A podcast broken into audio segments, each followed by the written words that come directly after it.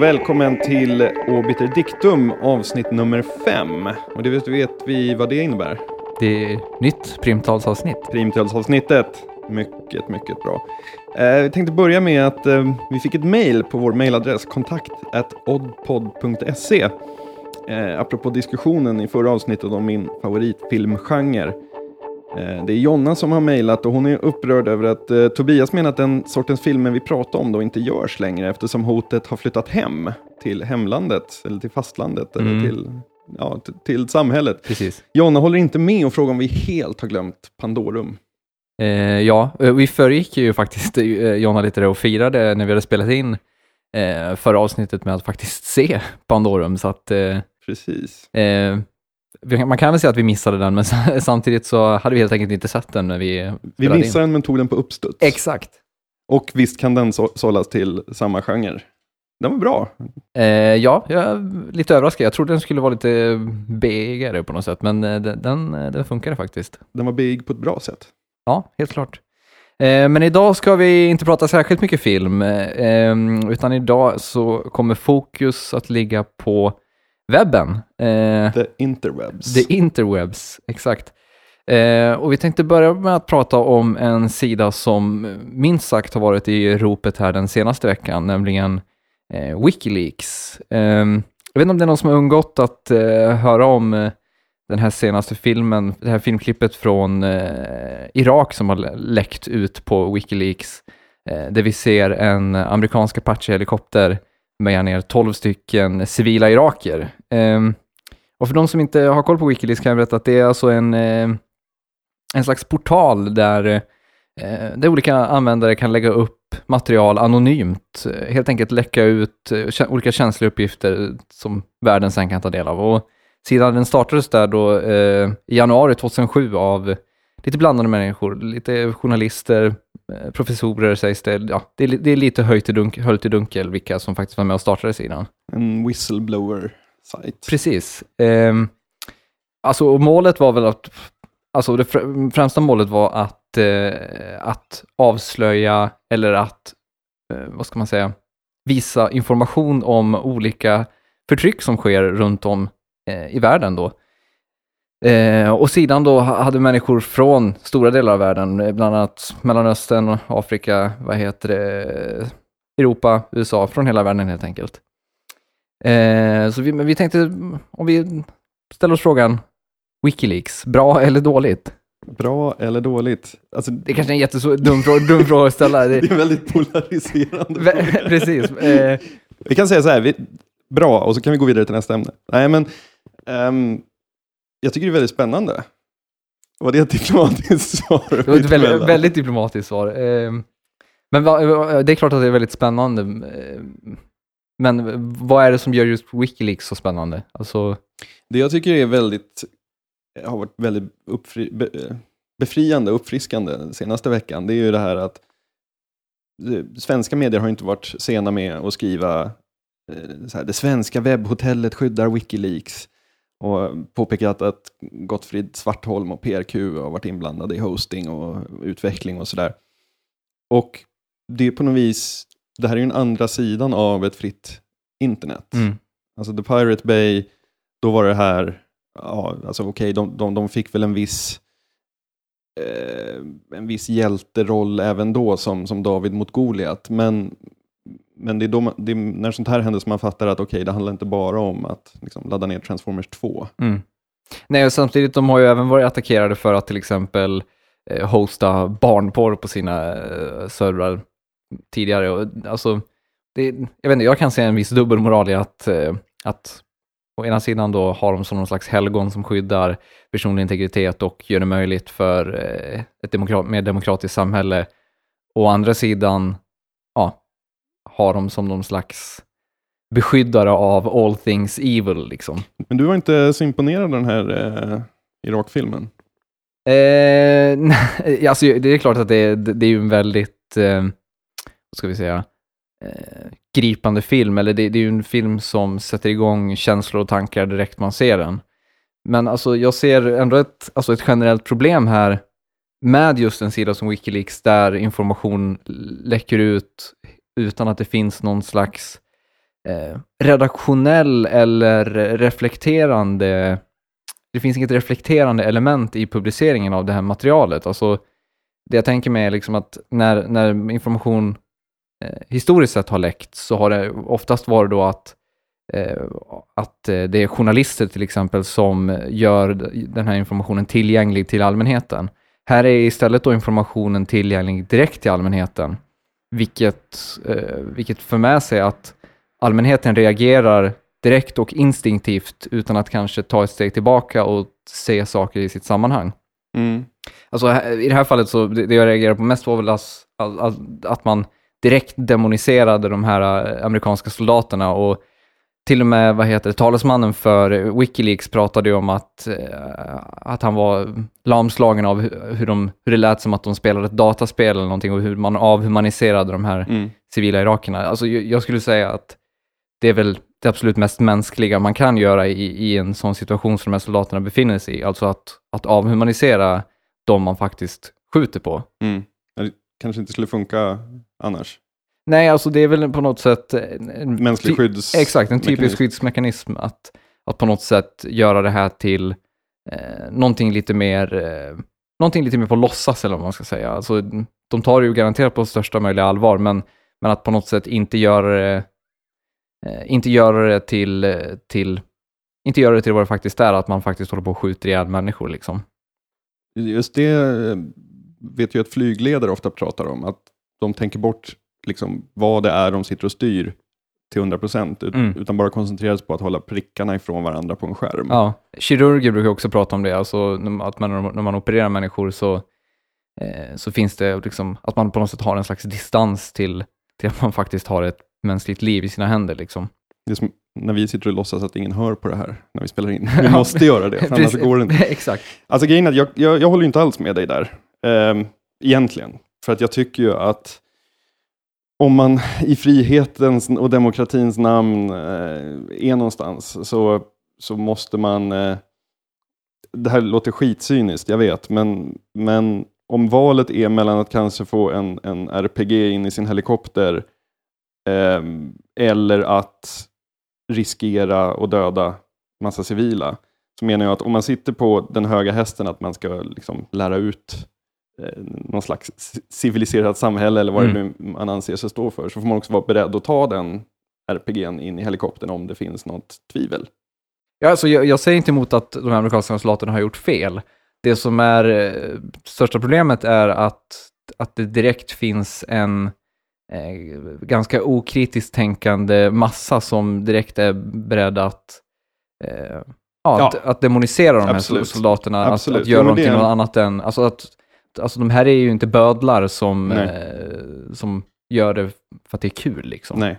Nej, absolut. Alltså just den psykologiska as- aspekten på hur man hanterar en sån extremt pressad situation, det var ju någonting som jag inte heller tänkte på alls första gången jag såg det här, utan då blev man ju bara, vad fan liksom. Nej, och jag menar inte heller här- att eh, medierna på något sätt ska komma med moraliska pekpinnar eller någonting sånt. Det jag menar är att det är lätt att när, när sån här information sprids, att en stor massa av människor formerar sig och, eh, vad heter det, eh, bildar en ganska onyanserad åsikt eller en ganska onyanserad kritik mot, mot den här informationen.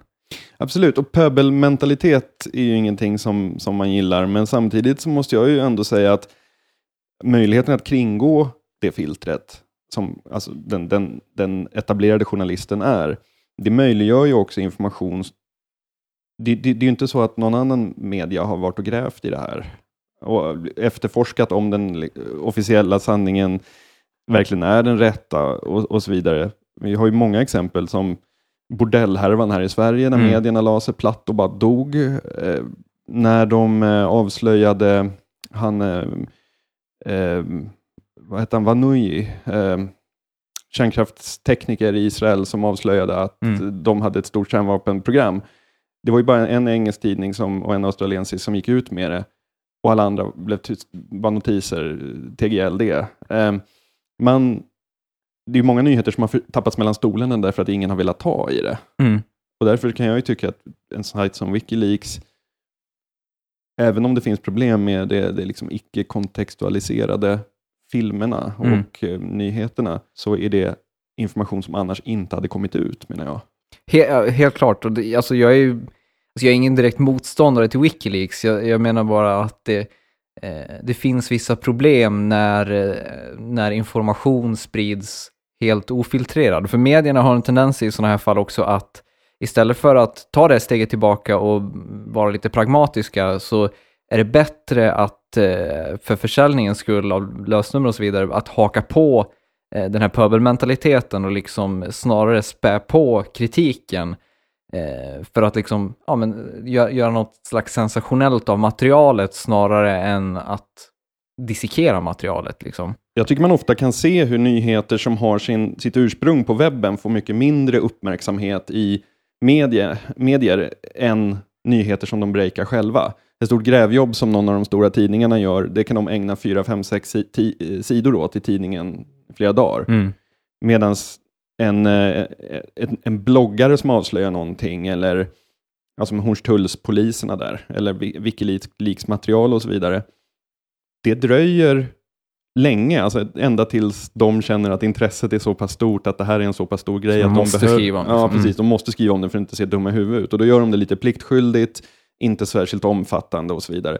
Så det är nästan en bitterhet eller en surhet jag kan känna Mm. finns i luften ibland att nej, det här tänker inte vi skriva om för att det här har någon sån här jobbig bloggare tagit upp. Jag tror, men jag tror också att det är ganska symptomatiskt. Alltså jag, jag skulle säga att det handlar om, om att i de fallen så finns storyn någon annanstans. Och det vet de här eh, medierna. Så att eh, det man vill göra är helt enkelt att, eh, att ha, eh, att när mediedrevet går så är det bättre om det går i den egna med, mediekanalen liksom, än, att, än att det går någon annanstans. För i de här fallen så är det liksom oundvikligt att inte hänvisa till källan där det faktiskt kommer ifrån. Och om man då hänvisar till att det här har läckt på Wikileaks, videon finns på YouTube och så vidare, då styr du automatiskt bort läsare eller Mm. konsumenter av det, det du skriver till de här platserna istället för, Mm. istället för de fallen där, liksom, det är ett, ett grävjobb eller, ett eh, ja, producerat in-house, så att säga. Då, då, då, eh, finns storyn här. Och, och det är bara här den finns, det är här du måste vara för att få all information. Fast i många andra fall, exempelvis nöjesjournalistiken, där tvekar ju inte så här Aftonbladet att hänvisa varannan nyhet till TMZ. Nej, det är i och för sig sant.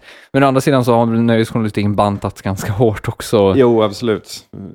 Visst, men Jag tycker man ser till exempel Aftonbladet Nöje så är det väl tre journalister som skriver under på varje notis som, som Ja. publiceras. Liksom.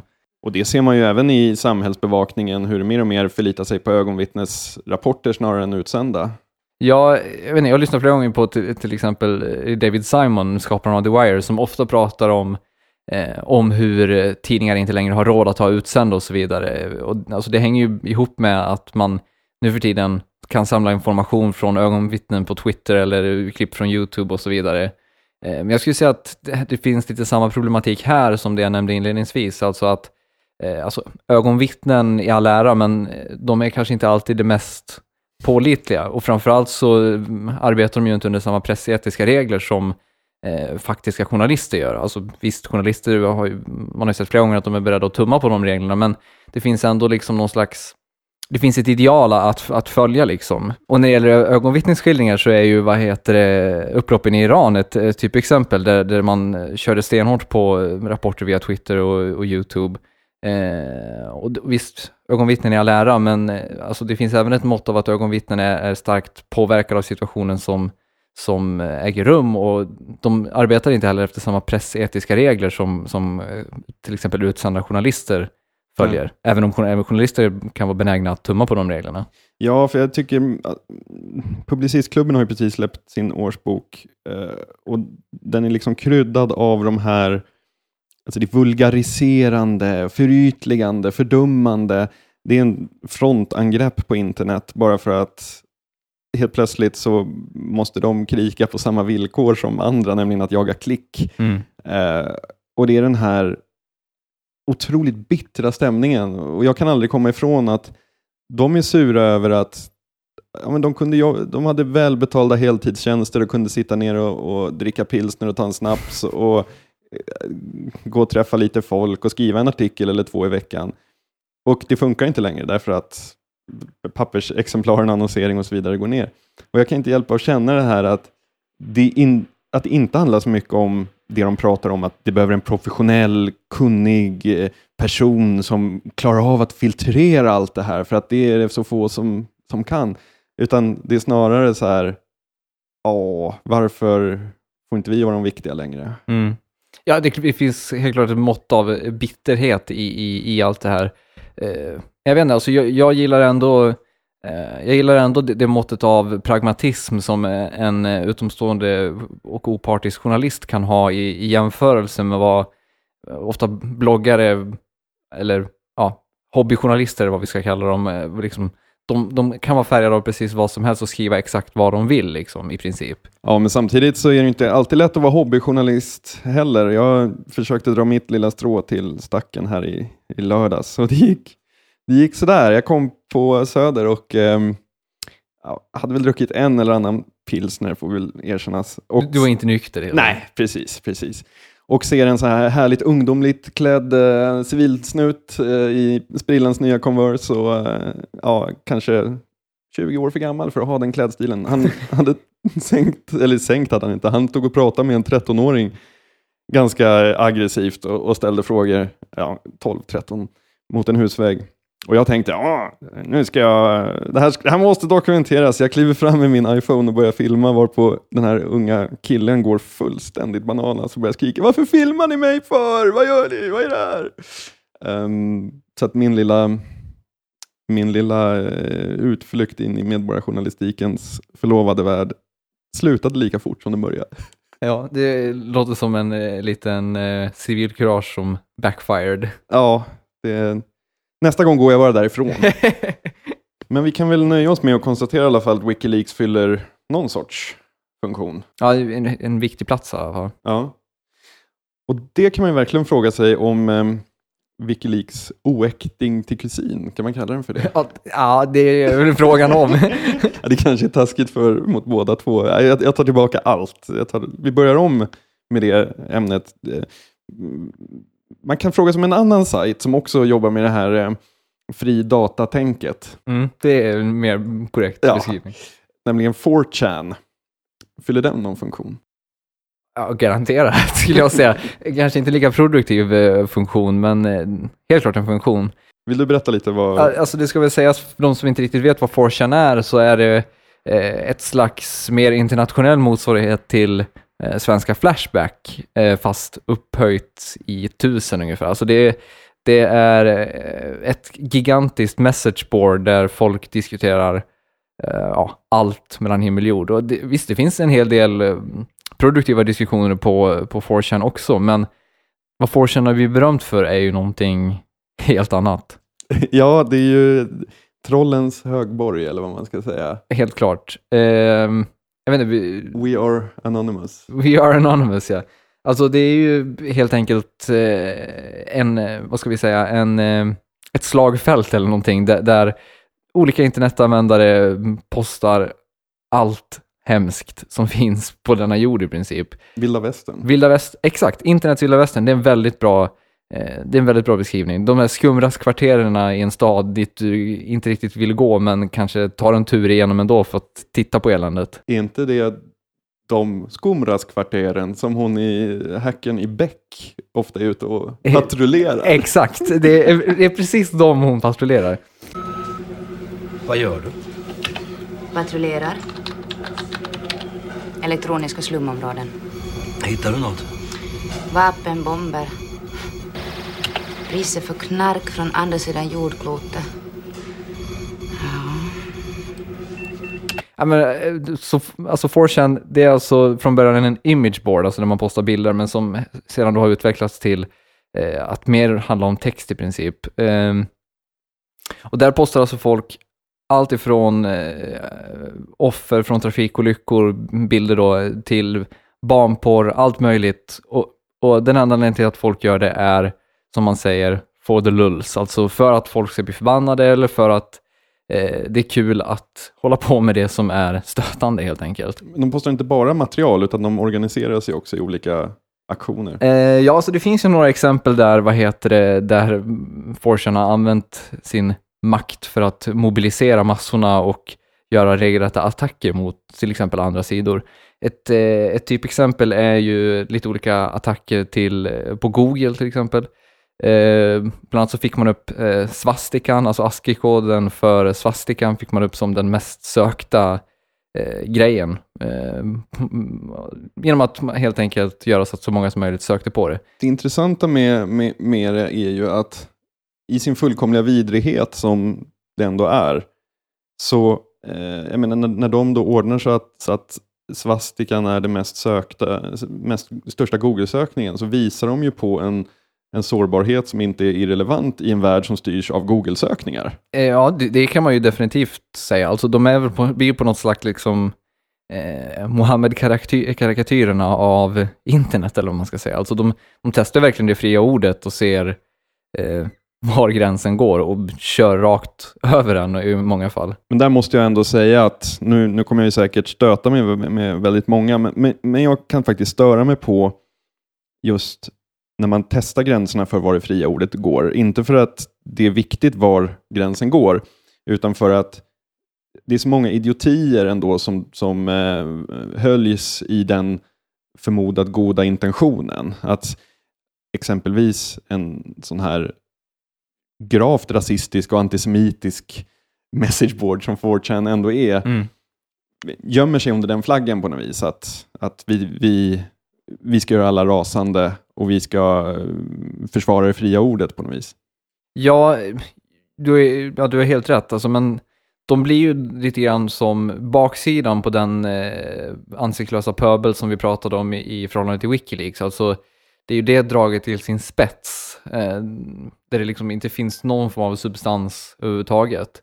Men samtidigt, alltså, jag kan även känna att det är viktigt att, att, eh, att man måste även göra någon slags distinktion eh, här mm, mellan, eh, mellan liksom 4chan representerar ju överhuvudtaget inte några verkliga åsikter eller vad man ska säga. Alltså det finns, finns ett stort mått av, eh, av oseriositet. Alltså de gör sakerna bara för att vi ska sitta och prata om det precis som vi gör här, Ja. att det är dåligt. Ja, Eh, Det är, liksom, det är i princip det största målet varför de gör sakerna. Alltså, de vet inget roligare än när eh, saker de gör tas upp i mainstream media, för att då har liksom mainstream media spelat dem rakt i händerna. Alltså, ett typexempel som ju också är väldigt roligt är ju, eh, det finns en karaktär på 4chan som heter Pedo Bear, som Mm. alltså är en japansk mangafigur som jagar små flickor. Alltså det är en, en eh, nallebjörn som är pedofil helt enkelt.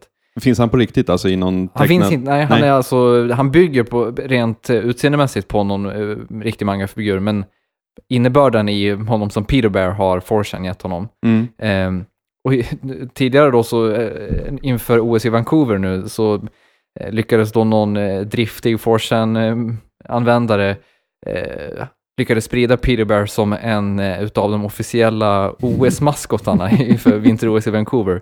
Och en polsk dagstidning då, de hakade på det här och publicerade en bild på de eh, vad heter det, officiella maskotarna och mycket riktigt, där var Peter Bear med. Mm. Det, det är ju en sån sak som 4chan tycker är bland det absolut roligaste som kan hända och det är ju väldigt kul. Det är jätteroligt. Eh, Ja, men, jag, vad jag menar är att skrattet fastnar lite i halsen för att en sån grej tycker man är jätte, jätterolig. ja. Och sen kommer man in där och liksom läser det här malande, malande. Eh, även om de gör det för att provocera så finns det ju även folk, kanske inte just där, men det finns folk i samhället som har de åsikterna. Mm. Som är nazister, som är... Det är inte som när man ser en film med Star Wars och bara åh, den onde kejsaren. Eh, Honom kan man skratta åt. Mm. Eller skratta, eller ja, vad man nu vill göra när man tittar på Star Wars. Men de använder ju ändå så, hemskheter som faktiskt är genuina problem i ett riktigt samhälle Mm. För att provocera och för att testa gränserna. Och Det, det kan jag tycka, det, det, lämnar en lite bitter eftersmak ändå. Ja, he- ja, återigen, jag håller helt klart med och jag, jag tänker inte sitta här och eh, försvara 4chan helhjärtat. Eh, men jag vet inte, de- deras, eh, deras ambition är ju inte heller att på något sätt avslöja någonting eller vad man ska säga. Nej. Alltså, de är ju internettroll och de Mm. trollar. Det, det är det Mm. de gör bäst och det är det de är intresserade av. Liksom. Eh, att det sen då ibland får med sig vissa komiska effekter och ibland även vissa intressanta eh, avslöjar vissa intressanta mekanismer i internet i stort och samhället i stort. Det är ju bara en, en bonus för oss som sitter och teoretiserar om det. Mm. De själva kunde inte bry sig mindre skulle jag tro. Nej. Men även om de inte kunde bry sig mindre och även om det inte är deras eh, huvudsyfte så är det här en av de grejerna som jag verkligen älskar med, med internet i stort och det är att eh, även en sån här till synes helt meningslös grej som bara går ut på att, att fylla ett forum med dynga. I, när de utagerar det så belyser de även problem. Eh, brister i vår, vår eh, IT-infrastruktur eller vad man ska kalla det för. När man utnyttjar kryphål i sökmotorer och eh, sprider desinformation med, med Pedobear Mm. som OS-maskot. Så att för, även om funktionen för dem bara är att flabba och tramsa så får det en effekt som vi faktiskt ska bry oss om.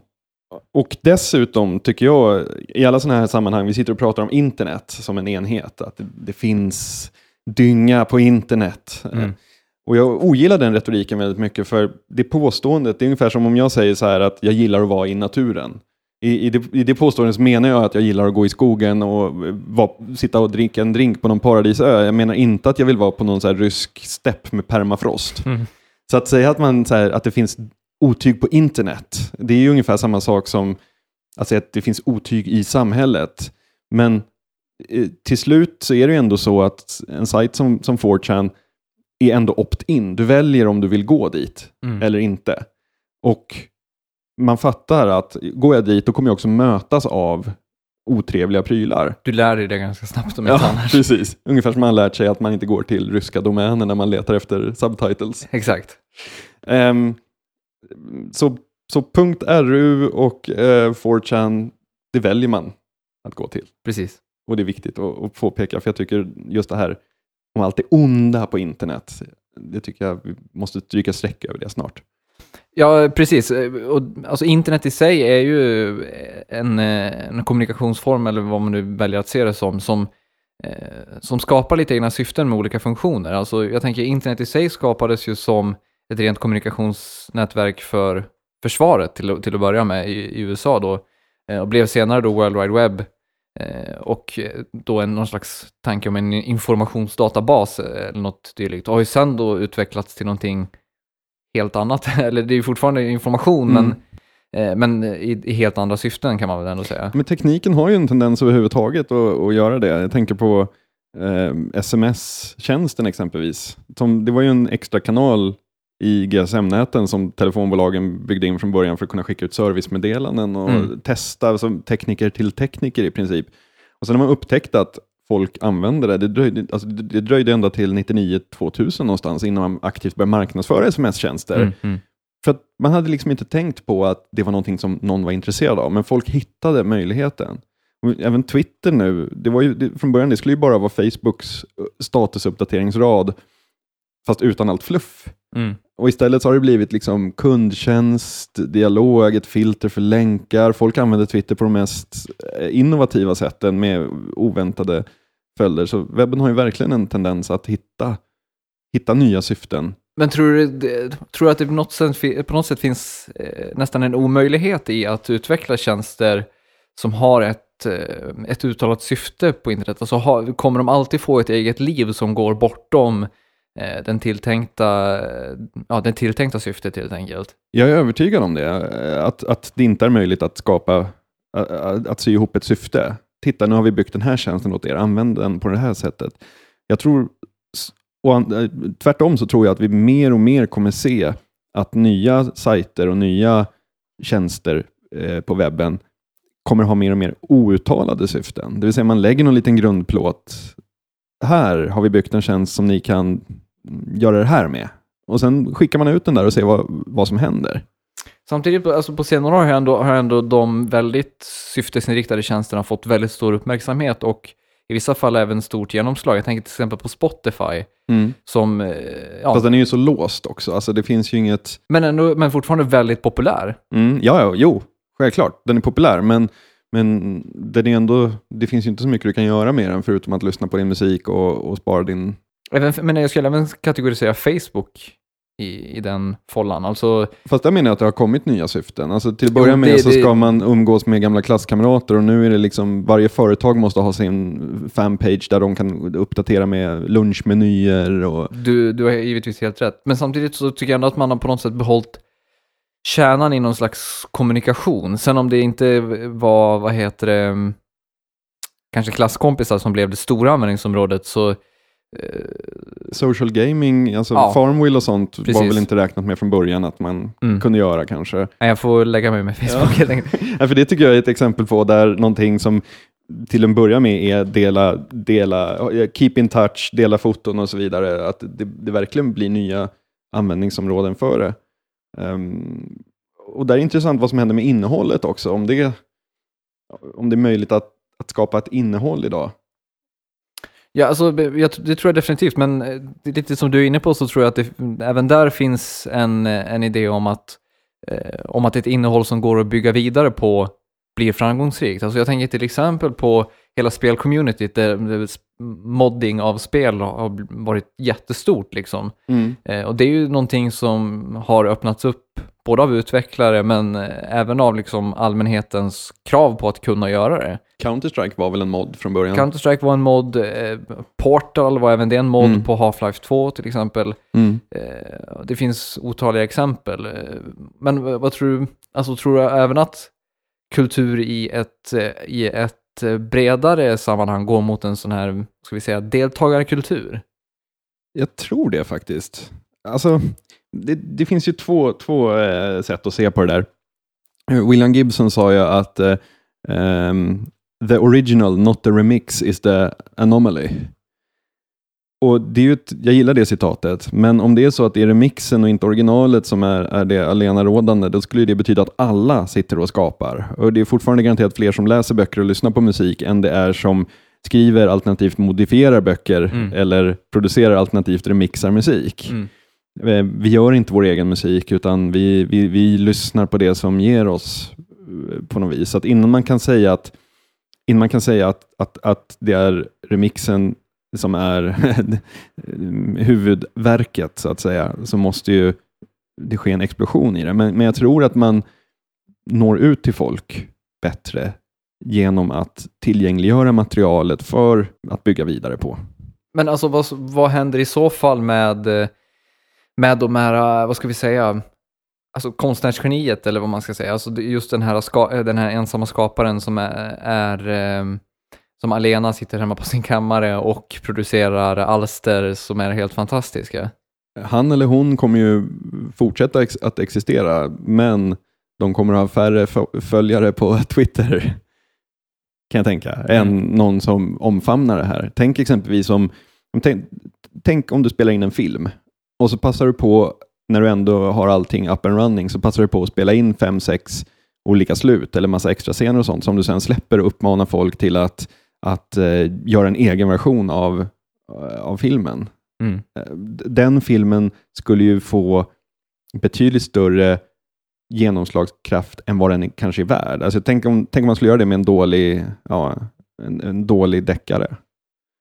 Men jag kan samtidigt känna att det, alltså, att det här finns en, eh, alltså visst det är jättebra att många människor deltar och gör sin grej eh, av, av olika saker, men alltså det finns samtidigt ett mått av, eh, av att när Kreti och Pleti kan göra musik eller göra film eller göra vad som helst, då kommer Kreti och Pleti också göra det. Alltså man på något sätt, eh, det är svårare att i i ett sånt läge subventionera eh, vad ska vi säga, kvalitetskultur eller vad vi ska säga. Alltså det Mm. som kanske nödvändigtvis inte är det som konsumeras mest, men som ändå fyller en ganska, ganska viktig funktion. Alltså jag har väldigt svårt att se, att se till exempel spelmoddar skapa spel som är eh, samhällskritiska eller som utgör liksom rena banbrytande narrativ eller ja, Mm. och så vidare. Alltså förstår du vad jag menar? Det, fin- det finns en konformitet i det här receptet liksom. Och det ser man ju även alltså inom musiken så blev det ju uppenbart ganska tidigt, på, redan på 2000-talet, där, 2003, 2004, Mm. eh, att de här mellanstora banden Mm. som, som ändå behöver spela in i stora studios, alltså Mm, typ så här mm. Godspeed You Black Emperor har jag nämnt i något sammanhang när jag skrev en krönika om det, att den sortens band, de behöver ganska stora resurser för att spela in sina skivor. Eh, men de resurserna står inte i paritet till vad de, vad de kan dra in längre på, på eh, skivförsäljning. Vilket betyder att eh, det är väldigt svårt att starta ett sånt band idag. Mm. Däremot så kan man eh, sitta hemma och producera musiken själv. Och jag ser inte något negativt i det egentligen. Det, det är väl snarare en... Eh, jag hatar ordet demokratisering för det, det, det är slitet och eh, uttjänt, men mm, det, det är en oundviklig konsekvens av tillgängliggörandet av eh, produktionsmedlen. Mm, mm. Men jag tror precis vad du menar. Jag- eh, Alltså jag, säger, jag säger inte att det, det nödvändigtvis är, är dåligt. Det finns jättemånga vä- väldigt positiva faktorer i, i just den här formen av deltagarkultur. Men alltså jag skulle ändå säga att det finns vissa saker som aldrig skulle ha kunnat producerats eller gjorts om det bara var alltså ett rent för det här blir ändå någon slags, vad heter det, det någon slags marknadsmekanismer som råder, alltså Mm. eh, tillgång och efterfrågan liksom. Mm. Eh, alltså det som efterfrågas mycket blir populärt och får genomslag och så vidare. Eh, ta en sån, eh, vi nämnde den tidigare i samma program, ta en sån tv-serie som The Wire, som i princip gick med förlust under hela, hela dess resa fram till säsong 5. Alltså lite halvknackiga tittarsiffror, eh, hade inga större framgångar liksom. Och sen först när serien var klar så började folk inse storheten i, i det här Mm. i det här massiva berättandet liksom. Mm. Eh, och här kan jag, det, det, det är lite det jag menar med att, vad heter det, och, jag, och jag tror inte på något sätt att vi kommer vara utelämnade till, till bara den här formen av nätkultur, utan, eh, utan det kommer givetvis finnas båda delarna, men samtidigt när, när den här nätkulturen tar delar av eh, konsumentmarknaden Mm. eh, så kommer ju, vad heter det, kommer, finns det ju en risk att det även leder till att de stora bolagen som har möjlighet att satsa stort eh, mer och mer måste köra på mer säkra kort så att säga. Absolut, och det ser vi ju väl ganska hårt när, Ja. när så Transformers 2 är, är ja, det, det, det är den sortens grejer man, man går all in på. Precis.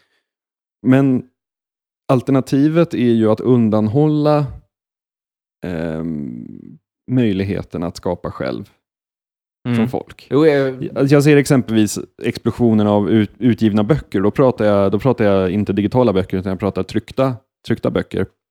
Den gick ju upp, eh, har, ju- ständigt gått upp under de senaste fyra årtionden. Och Det får man väl säga att eh, om man jämför 1980 med 1880 så är det fler som har fått tillgång till det skrivna ordet Mm, 1980. Fler som är högutbildade, fler som kan krita ihop en vettig roman fler som har tid att göra det. De behöver inte mm, vara ute och, och, och hugga på åkern. Och då, i, om, om man då tar bort internet ur ekvationen och ställer sig frågan att var det inte bättre för när det fanns en handfull, ett dussin stora bra författare och de skrev kvalitetslitteratur än nu när folk sitter och spyr ur sig det ena och det andra, att alla tror de har en historia de kan berätta och så vidare. Och tittar man på det så tycker jag att det blir en absurd situation, för självklart är det bättre att många har möjlighet att skriva en roman. mm. Alltså jag menar inte vara reaktionär på något vis så. Det får och för sig gärna vara. jo, men, eh, men det, ja, det, alltså det, det jag efterlyser är liksom ändå någon form av balans, eller vad man ska kalla det. Alltså, du nämnde det att eh, ett sånt mellanband som Godspeed och Black Emperor försvinner. Och jag tror att just de här mellan, eh, mellan produktionerna är oerhört viktiga. Alltså de, de ehm, det, det finns en risk med att vara utelämnad till att, till att det bara är eh, någon slags eldsjälar som sysslar med, med den här formen av, av den formen av produktioner som går lite utan, utanpå eller som inte liksom lägger sig i mittfåran. Eh, jag menar, det, är, det är väldigt enkelt med liksom när det, att det sitter 2000 trans-DJs hemma och gör sina egna remixer för att efterfrågan på trans är ganska stor. Däremot om, vad heter det, någon eh, cellist sitter hemma på Island och inte har några som helst möjligheter för att alla mindre, eller halvstora bolag ja, har inte rå- råd att spela in någonting, Mm. så skulle jag ändå kalla det en förlust liksom. Det är en förlust, men samtidigt så tror jag att om man, om man tänker så här film, alltså, vi satt här förra veckan och beklagade oss lite över de här B, Mm. alltså sci-fis med mellanstor budget. Eh, det kan ju vara så att, att film, filmkonsten som sådan var nog faktiskt någonting som hörde eh, 1930 till 2010 till. Mm. Alltså det, Du menar att vi ska låta det bli ett vackert lik helt enkelt? Ja, alltså det, det är ju oundvikligen så att det, det blir på det viset. För det, man måste ju också komma ihåg att samma teknik, och det, det stör jag mig alltid extremt mycket på när, när skivbolagen grinar och, och eh, IFPI ska driva igenom sina hårda eh, lagar och hela den där copyright-lobbyn gör det de är bra på.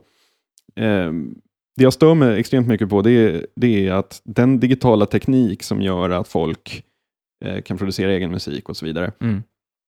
den är ju också, samtidigt som den kanske minskar deras intäkter, så är det också så att den är till extremt stor hjälp för dem. De behöver, Mm. behöver inte trycka upp filmer på filmrullar, utan Mm, det finns mm, digitalt.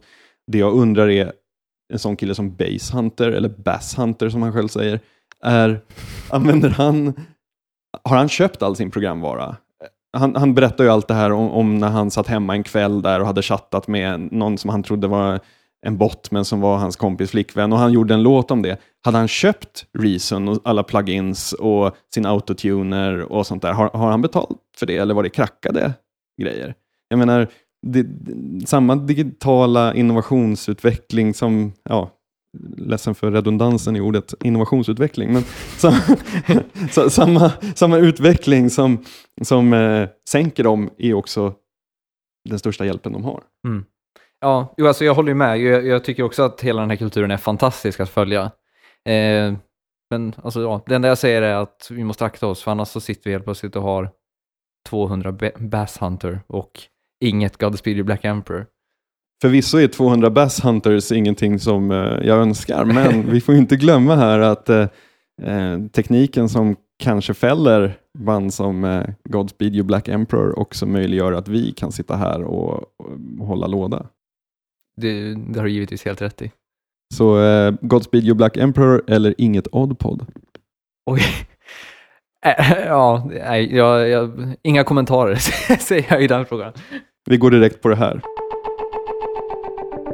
Precis, postskriptum alltså. Eh, och jag tänkte faktiskt vara så fruktansvärt tråkig att jag fortsätter i det utstakade spåret och tipsar om min tredje dokumentär på, på lika många veckor.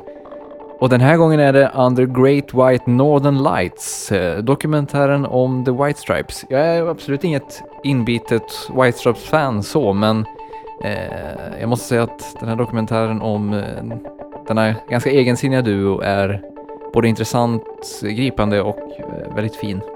Ja, jag ska tipsa om Pixels, en kortfilm av den franske filmen Patrick Jean som eh, visar 8-bits monster eller mm, grejer från gamla 8-bits tv-spel som invaderar New York. Väldigt, väldigt fin. Och ehm, länkar till det här och allt annat vi har pratat om finns som vanligt på vår blogg oddpod.se och vi vill även att du eh, mejlar oss kanske ogrundade påhopp eller eh, kritik eller medhåll. Det är såklart roligast. Feedback helt enkelt. Feedback är bra ord.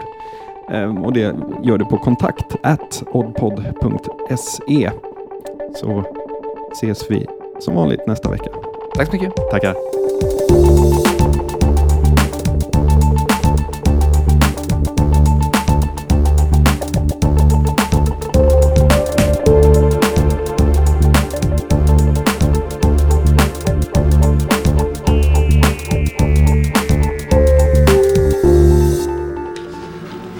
De kallar dig för cybersnuten?